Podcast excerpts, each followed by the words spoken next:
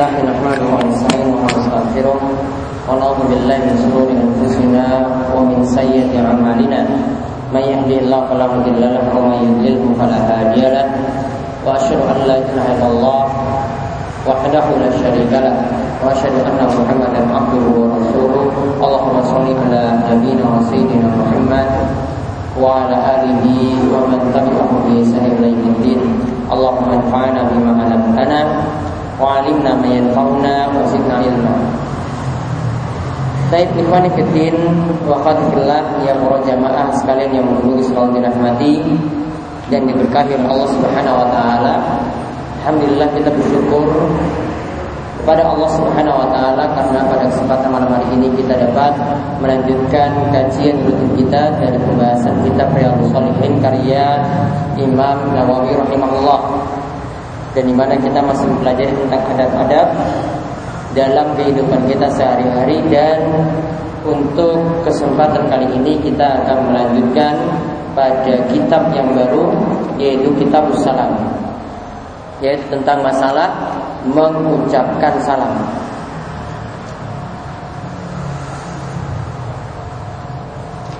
Yaitu pada awal bab dalam kitab salam ini yaitu bab ke-131 yang Nawawi membawakan judul bab fadlus salam wal amru bi ifsyaihi yaitu keutamaan mengucapkan salam dan perintah untuk menyebarkan ucapan salam tersebut. Dan perintah untuk menyebarkan ucapan salam tersebut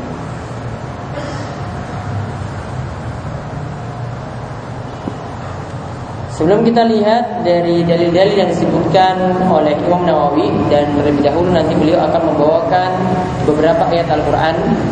Kita terlebih dahulu harus memahami apa yang dimaksudkan dengan salam. Salam itu berarti Ad-du'a bisalama min kulli afat Yaitu doa keselamatan dari segala macam kekurangan. Doa keselamatan dari segala macam kekurangan.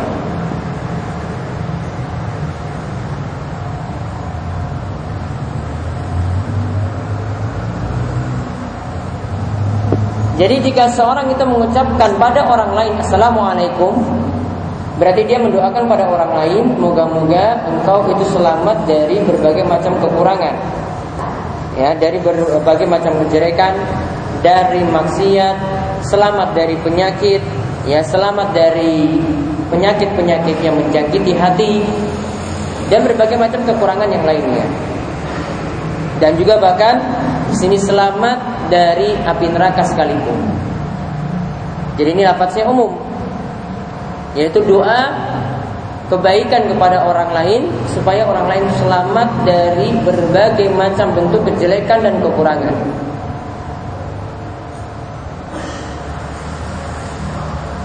Sampai-sampai di kalangan para sahabat Saking mereka mencintai ucapan ini Ucapan salam ini Ya mereka itu sampai di dalam sholatnya dahulu ya sebelum Nabi SAW perintahkan dahulu di dalam sholatnya mereka itu mengucapkan salam kepada Allah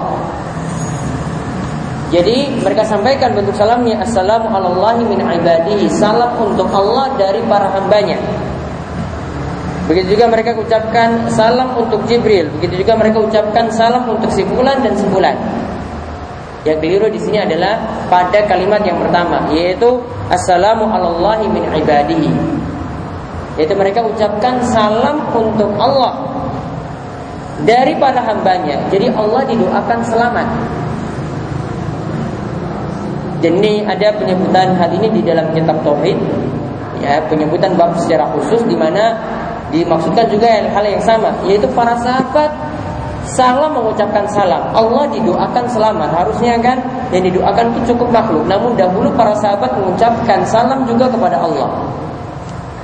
Maka ketika itu Nabi SAW itu mengatakan Innallah wassalam Yang tepat Allah itulah assalam Artinya Allah lah yang memberikan keselamatan Bukan Allah yang didoakan selamat Jadi sekali lagi yang tepat itu adalah kalau kita katakan innallah wassalam sesungguhnya Allah itulah yang punya nama assalam.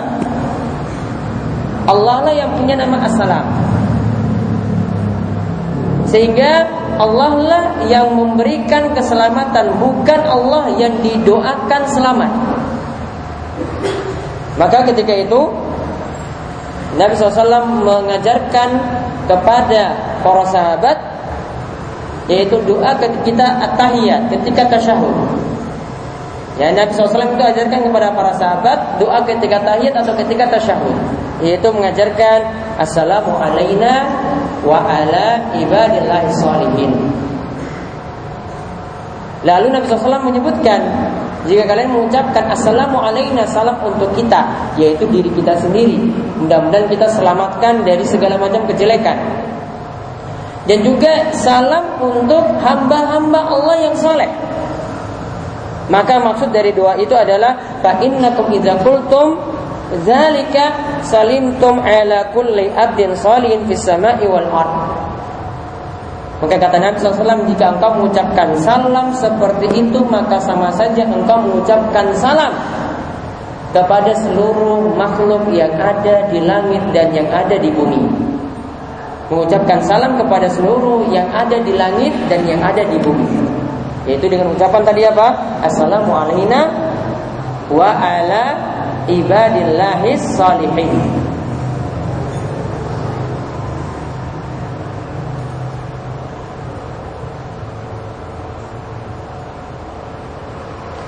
Namun ada satu catatan yang disebutkan oleh Syekh Muhammad bin Shalih Kadang kita lupa dengan doa ini, yaitu dengan ucapan assalamu alaina.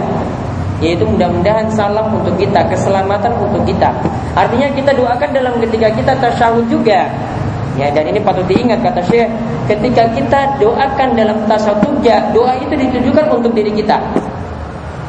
Jadi bukan selamanya untuk orang lain, namun doa itu ditujukan untuk diri kita juga assalamu alaina yaitu moga-moga keselamatan juga untuk kita maka kata Syekh Muhammad bin Sulaiman, "Wala adri hal nahnu nastahdir hadza idza qulna fi shalah assalamu alaina wa ala ibadillah salihin?" Apakah kita tahu kalau kita dalam sholat itu menghadirkan hati kita bahwasanya kita mendoakan diri kita itu sendiri ketika kita mengucapkan assalamu alaina wa ala ibadillah salihin. Kata beliau, la adri kami mungkin saja kita itu tidak tahu hal nahnu nastahdir annana nusallim ala anfusina. Kalau kita sendiri ternyata mendoakan keselamatan untuk diri kita sendiri dalam sholat kita.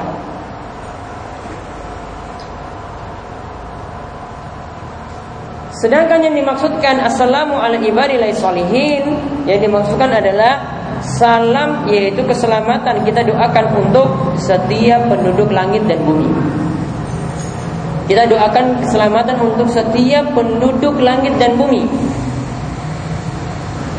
Yaitu kata Syekh Muhammad bin Shalih kita doakan keselamatan untuk para nabi, kita doakan keselamatan untuk para sahabat, begitu juga kepada para tabi'in yang mengikuti para sahabat dengan baik, begitu juga kepada ashabul anbiya, kepada sahabat atau orang-orang yang menemani para nabi yang lainnya seperti orang-orang yang disebut al-hawariyun yaitu para pengikut Nabi Isa. Begitu juga ada para pengikut Nabi Musa alaihissalam. Termasuk di dalam doa kepada hamba-hamba Allah yang soleh adalah termasuk mendoakan mereka-mereka itu semuanya. Namun apa yang dimaksudkan dengan orang soleh? Ini catatan penting yang perlu dipahami. Apa yang dimaksudkan dengan orang soleh? Sebagaimana kata Syekh Abdullah Al-Fauzan dalam kitab beliau Taisirul Alam. Syarah Bulughul Maram. Yang dimaksudkan dengan orang soleh itu adalah Al-Qaim ala hududillah wa hududi makhlukihi yaitu yang dimaksudkan dengan orang soleh itu adalah orang yang menjalani aturan-aturan atau hukukillah wa hukuki ibadihi. Yaitu orang yang menjalankan aturan-aturan Allah yaitu kewajiban-kewajiban terhadap Allah dan kewajiban-kewajiban terhadap sesama makhluk. Ini yang dimaksudkan dengan orang soleh. Dia menunaikan kewajiban terhadap sama, eh, menunaikan kewajiban terhadap Allah, Sang Khalik. Dan juga dia menunaikan kewajiban terhadap sesama makhluknya. Ya sesama makhluk Allah. Jadi sama manusia dia tunaikan. Jadi bukan hanya disebut orang soleh itu yang rajin ibadah, bukanlah orang soleh itu yang cuma rajin sholat, bukanlah orang soleh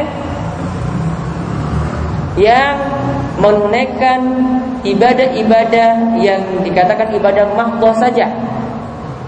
Namun yang dimaksudkan dengan orang soleh kata para ulama ditambah juga dengan dia punya hubungan baik terhadap sesama. Ya ditambah dengan dia itu punya hubungan baik terhadap sesama. Kalau dia dengan Allah baik namun terhadap hubungan terhadap sesama itu jelek, maka dia tidak disebut orang yang soleh.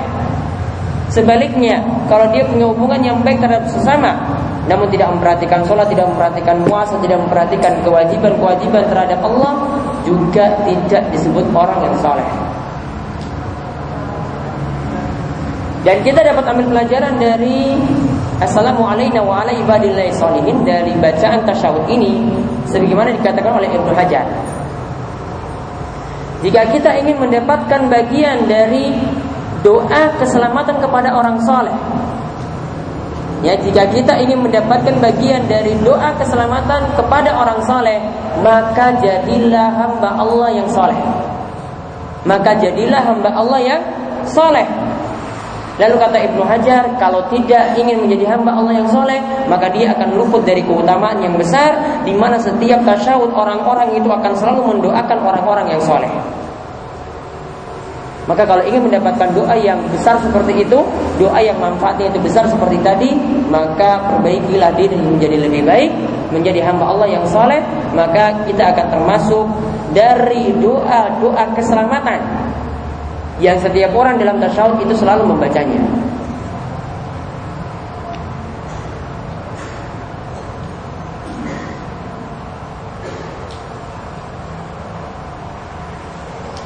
Kemudian salam ini sebagaimana dalam judul bab ini disebutkan oleh Imam Nawawi diperintahkan juga untuk menyebarkan salam.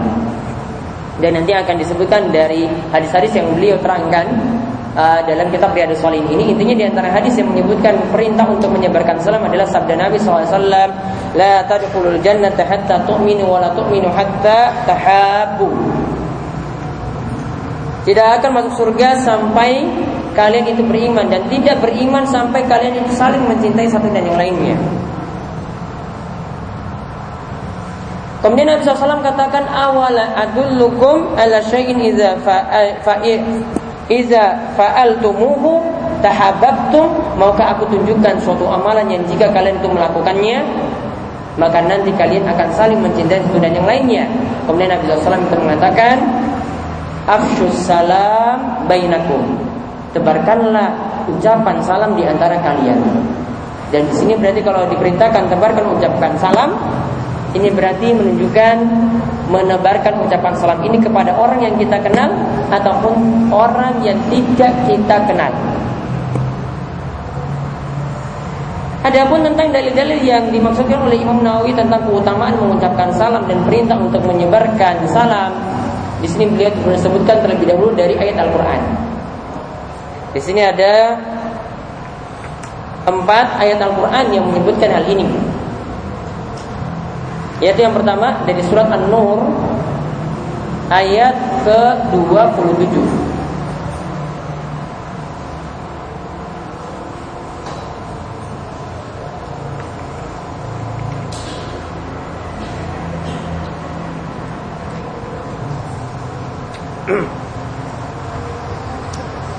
Di mana Allah Subhanahu wa taala berfirman, "Ya ayyuhalladzina amanu la tadkhulu buyutan ghayra buyutikum hatta tasta'nisu wa tusallimu ala ahliha dzalikum khairul lakum la'allakum tadhakkarun.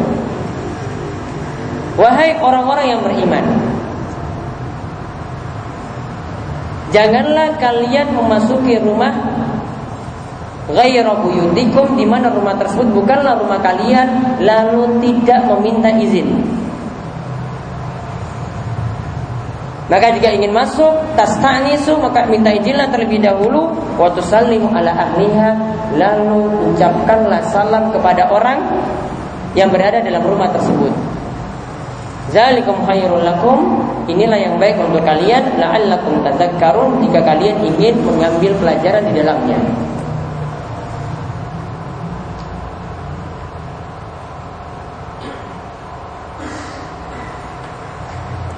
Maka hadis uh, maka ayat ini surat An-Nur ayat ke-27 di sini menunjukkan yaitu perintah yang pertama jika ingin masuki rumah yang bukan rumah kita. Ini rumah orang lain, rumah teman atau kos-kosan teman atau rumah tetangga.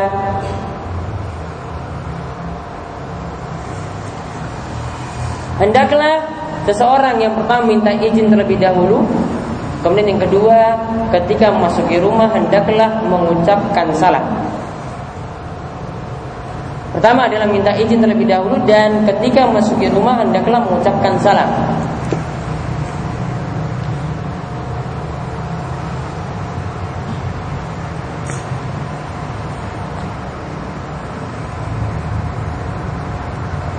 Karena ketika seorang, ini kata Syekh Muhammad bin ketika seorang itu masuk rumah orang lain tanpa ada izin terlebih dahulu, maka yang ada cuma rasa kekhawatiran. Ini jangan-jangan mengganggu orang yang ada di rumah tersebut.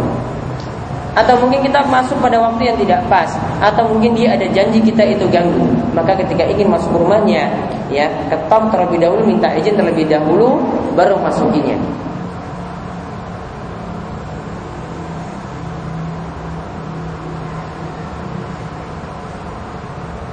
Dan di sini kata Syekh Muhammad bin Shalih bentuknya bisa jadi meminta izin ini dengan telah berbuat telah membuat janji terlebih dahulu. Ya meminta izin di sini bisa jadi dengan membuat janji terlebih dahulu. Misalnya pada tuan rumah kita janjikan nanti insya Allah jam setengah lima sore nanti ya saya akan datang ke rumahmu. Maka ketika itu ketika jam setengah lima ter dia datang Assalamualaikum tanpa minta izin terlebih dahulu Dia sudah masuk. Diizinkan ketika itu untuk masuk Maka itu sudah dikatakan Itulah bentuk izinnya. Tiba-tiba juga mungkin dia sudah dalam rumah ya. Itu sudah dikatakan sebagai bentuk izinnya. Atau mungkin misalnya Kita datang ke kantor dosen Atau ruangan dosen misalnya. Sudah buat janji jam setengah lima.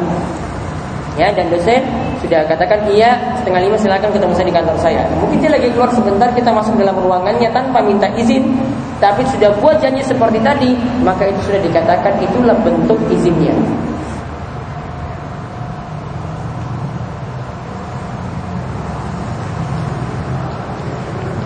Dan bentuknya lagi di sini kata ya disebutkan dalam ayat tadi bentuknya adalah minta izin dan ucapkan salam ya. Misalnya kalau kita tidak buat janji ketika kita masuk dalam ruangan misalnya tadi ke ruangan dosen atau mungkin ke dalam rumah orang lain kita ketuk pintunya tok tok tok apakah saya boleh masuk? Atau ucapkan salam dulu assalamualaikum apakah saya itu boleh masuk? Ini sudah di, di, dimaksudkan bentuk izin ketika kita ingin masuki rumah orang lain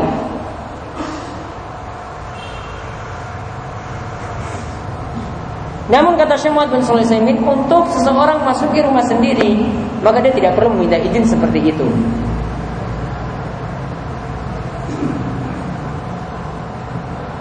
Namun karena itu walaupun cuma rumah kita saja hendaklah ketika masuk dalam rumah tersebut juga tetap dengan mengucapkan salam. Bukan kata Syekh Muhammad bin Shalih kalau ini suami istri maka hendaklah ketika masuk di rumah bersiwak terlebih dahulu. Lalu ketika bertemu dengan keluarga ucapkan assalamualaikum. Dan inilah sunnah yang diajarkan oleh Nabi kita Muhammad Sallallahu Alaihi Wasallam ketika itu. Nah itulah yang dimaksudkan dengan ayat yang pertama surat An-Nur ayat ke-27. Jadi diajarkan dua adab yang penting yaitu minta izin ketika masuk rumah Dan mengucapkan salam ketika masuk rumah orang lain.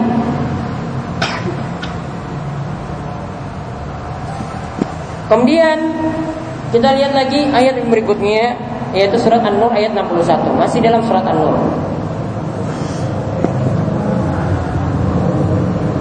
Di mana Allah Subhanahu wa taala berfirman, "Laisa 'alal a'ma haraju wala 'alal a'raj haraju wala 'alal marid haraj, wala ala anfusikum an ta'kulu min buyutikum aw buyuti abaikum aw buyuti ummahatikum aw buyuti ikhwanikum aw buyuti akhwatikum aw buyuti amamikum aw buyuti ammatikum aw buyuti akhwalikum aw buyuti khalatikum aw ma malakat mafatihahu aw sadiqikum Allah Subhanahu wa taala berfirman, tidak ada halangan bagi kalian yaitu bagi orang buta, bagi a'ma, juga bagi a'raj, bagi orang yang pincang. Wala alal marid, juga bagi orang sakit. Maksudnya tidak ada halangan bagaimana untuk tidak pergi berjihad karena punya alasan tadi, buta, pincang atau dalam keadaan sakit. Jadi ada unsur untuk tidak pergi berjihad.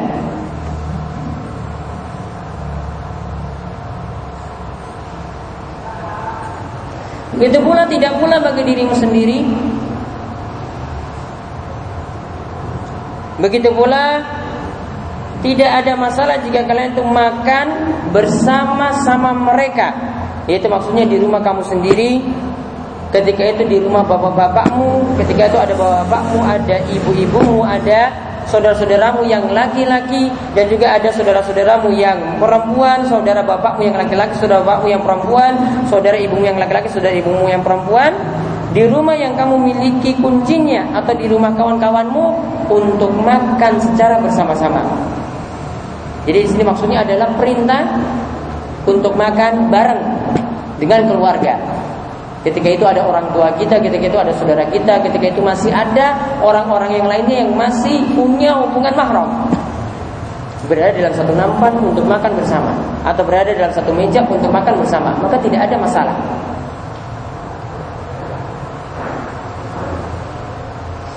Allah katakan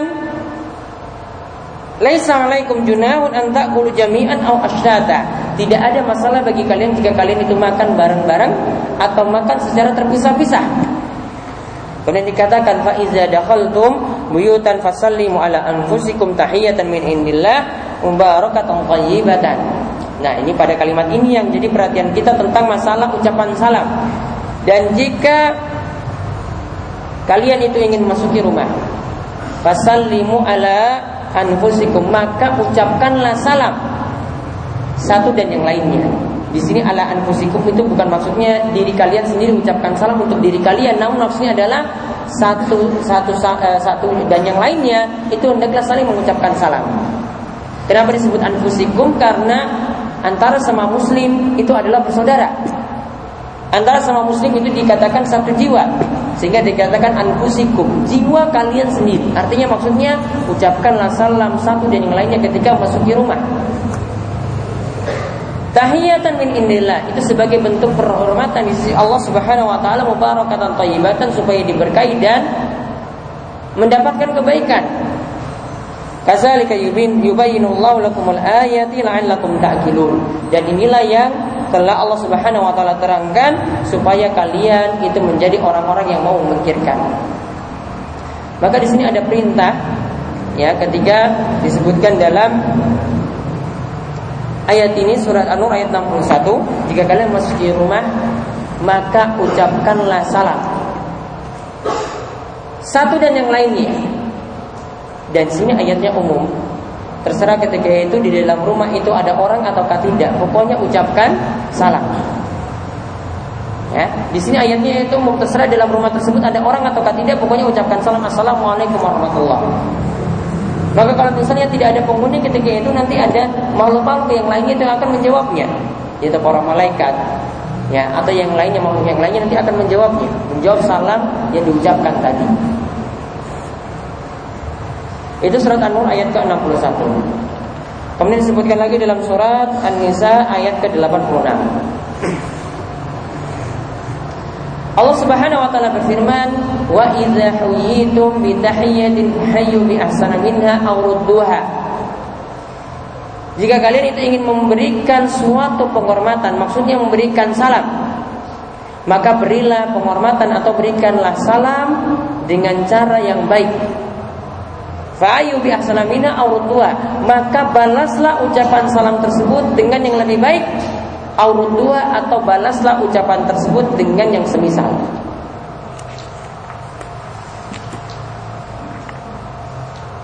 Maka ayat ini yang dimaksudkan ya ikhwan fillah wa fillah sekalian. Yang dimaksudkan dalam ayat ini adalah dalam surat An-Nisa ayat 86 ini perintah untuk mengucapkan salam dan bagaimana cara membalasnya.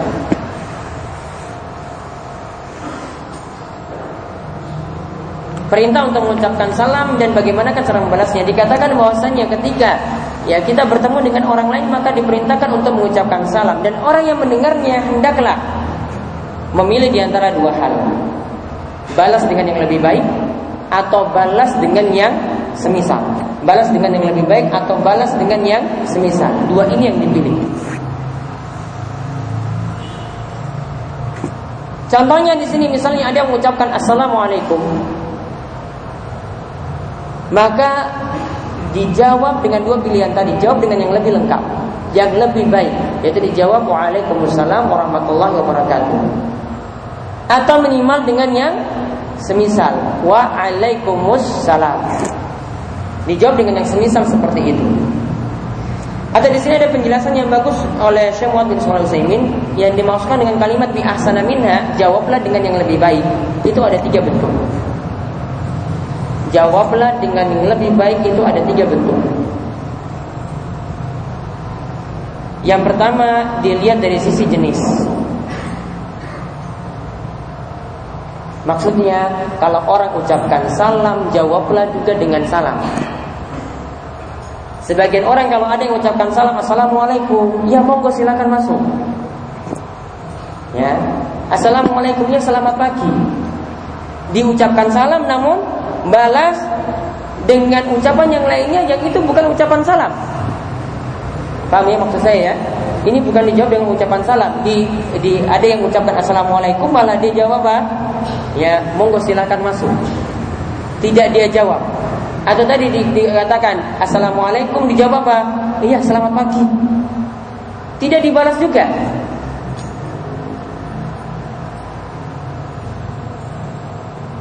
Maka bentuk yang pertama dikatakan dengan yang lebih baik kalau dibalas dengan jenisnya. Kalau diucapkan salam maka jawab juga dengan salam. Maka contoh yang keliru misalnya di sini kata Syekh Muhammad bin Utsaimin, ada yang datang ke suatu rumah kemudian ucapkan assalamualaikum, terus ada yang mengucapkan ya marhaban, ahlan wa sahlan. Ya, dia jawab silakan ya, selamat datang. Oh, saya sangat senang sekali dengan kedatangan Anda. Padahal tadi mengucapkan salam. Namun dijawab dengan selamat datang, ahlan wa sahlan, marhaban bikum. Ini namanya tidak menjawab dengan yang sejenis. Tidak dibolehkan. Kemudian yang kedua, menjawab dengan jumlah yang lebih baik.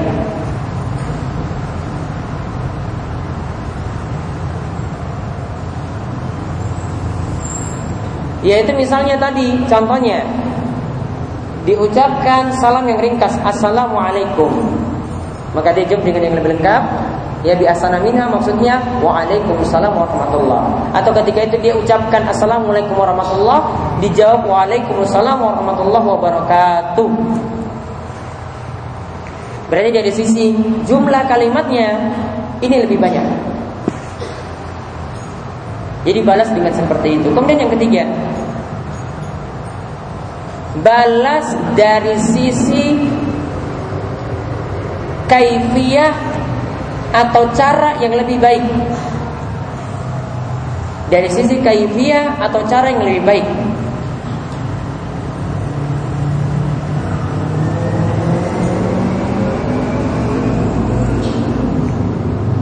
Di sini seperti kata Syekh Muhammad bin Shalih kalau ada yang ucapkan salam dengan kalimat yang wadih murtafi dengan kalimat yang jelas dan suara keras maka jawablah yang semisal dengan itu minimalnya atau lebih keras daripada itu jangan jawab dengan suara lirik tidak ada yang ucapkan salam misalnya keras assalamualaikum waalaikumsalam ini tidak menjawab dengan dari sisi kaifiyah cara menjawab salamnya jadi minimal balas juga seperti itu Ya, balas juga seperti yang diucapkan tadi. Suaranya keras seperti ya kita balas lagi dengan suara keras seperti tadi.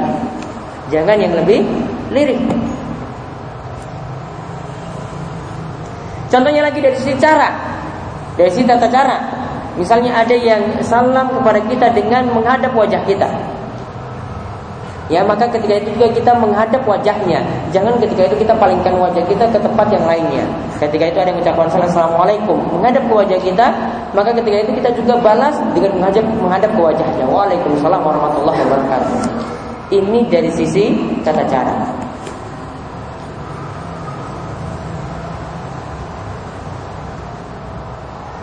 Kemudian ada pelajaran berharga lagi dari Syekh Muhammad berdasarkan ayat ini itu karena dikatakan wa iza huyitum minha jika kalian itu diberi salam maka jawablah dengan yang lebih baik atau yang semisal.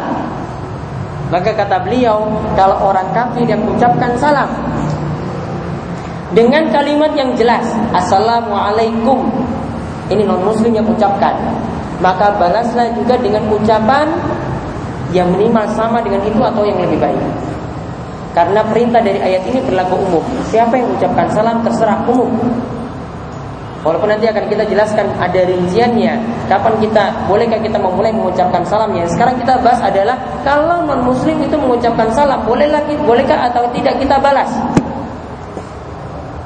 Pendapat yang tepat di sini menurut beliau tetap kalau salamnya itu jelas assalamualaikum dibalas juga dengan waalaikumsalam. Adapun kata beliau tentang hadis yang mengatakan jika ahli kitab itu mengucapkan salam maka balaskan dengan waalaikum itu kata beliau hadisnya itu bunyinya jika orang kafir tadi non muslim tadi mengucapkan salam assalamu alaikum. Bukan assalamu namun assalamu alaikum. Terlihat ini seperti assalamu namun maksudnya sini adalah assalamu alaikum maksudnya assalamu itu al maut mati kamu ya celaka kamu, mati kamu. Itu maksudnya. Maka ketika itu dibalas dengan apa? Waalaikum. Kamu juga nanti seperti itu. Ya. Salamnya berbeda. Itu ketika salamnya tidak jelas Assalamualaikum Maka dijawab dengan Waalaikum Namun kalau salamnya itu jelas kata Muhammad bin Dibalas dengan dengan ucapan Waalaikumsalam atau kalau mereka ucapkan lengkap Assalamualaikum warahmatullahi wabarakatuh dibalas juga sama seperti itu. Waalaikumsalam warahmatullahi wabarakatuh. Ini bukan doa untuk mereka supaya dapat kebaikan namun supaya dapat hidayah. Ya supaya mereka itu dapat hidayah. Sehingga doanya seperti itu. Jadi intinya ayat ini berlaku tadi balas salam ini berlaku untuk muslim dan juga non muslim ya dan nanti akan kelengkapannya.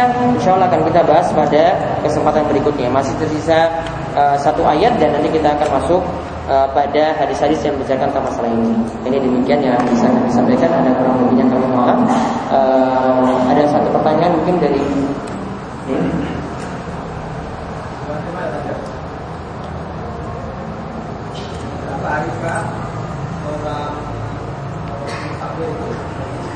bisa melakukan sholat jamaah dan apakah kapan musafir bisa melakukan sholat jamaah? Berapa hari? Apakah juga musafir apakah? Ya termasuk musafir. Orang yang berhaji itu musafir. Selama dia 40 hari di sana dia musafir terus menerus. Dia boleh menjamak dan mengkosor sholat. Namun kalau ditanyakan tadi berapa lama waktu untuk menjamak sholat, sini para ulama bersisi kuat. Kalaupun dapat jumur ulama, ya kalau lebih dari tiga hari maka tidak menjamak sholat. Dia menetap lebih dari tiga hari tidak menjamak sholat. Namun kata eh, Syekhul Islam Ibnu beliau katakan kalau selama itu dikatakan bersafar, dia itu tidak berhenti ya melakukan perjalanan misalnya terus menerus ya tidak menetap belum menetap nanti pindah tempat lagi, habis itu berpindah lagi, berpindah lagi, mungkin sampai 30 hari, mungkin sampai 40 hari, maka selama itu dia boleh menjamak dan mengkosor sholat. Demikian yang bisa kami sampaikan pada kesempatan kali ini ya subhanallah wa bihamdika asyhadu an la ilaha illa anta astaghfiruka wa atubu Assalamualaikum warahmatullahi wabarakatuh.